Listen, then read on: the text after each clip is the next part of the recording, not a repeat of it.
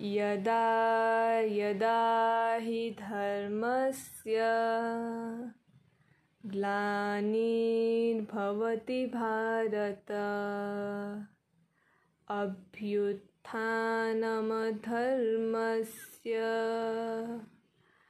तदात्मानं सृजाम्यहम्।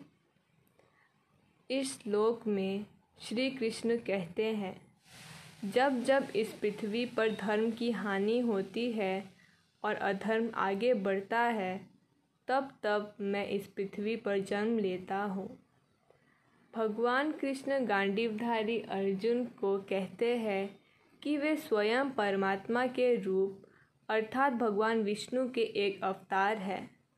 वे अर्जुन से कहते हैं कि जब जब धर्म की हानि और अधर्म की वृद्धि होती है तब तब वे साकार रूप धारण करते हैं और अधर्म का नाश करते हैं।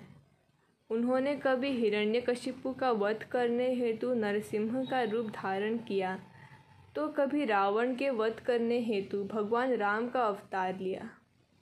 उन्होंने कंस के वध हेतु भगवान कृष्ण का रूप लिया तो कभी धर्म के प्रचार के लिए बुद्ध का रूप धारण किया।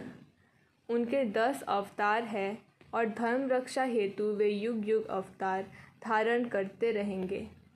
अतः उनके कहने का तात्पर्य यह है कि जब कभी भी अधर्म सीमा लांगेगी तब वे अधर्मियों के नाश और सज्जनों की रक्षा के लिए प्रकट होंगे और धर्म की रक्षा करेंगे। हालाँकि ये श्लोक समझने के लिए सरल है, मैंने ये श्लोक का चयन किया। क्योंकि मुझे लगता है कि ये जो कोरोना संक्रमण हो रहा है, ये भी भगवान की कोई माया है। हमने धरती में प्रदूषण किया, नदियों को मैला किया, वृक्षों को काटा और जानवर जिन पर हम पर्यावरण के संतुलन के लिए निर्भर है, उन पर भी अधर्म किया। इसलिए कल की अवतार धारण करने से पूर्व उन्होंने हमें चेतावनी देने हेतु ये लीला रचाई है।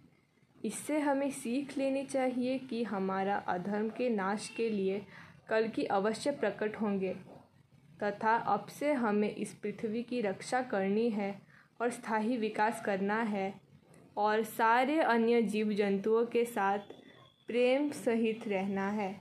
धन्यवाद।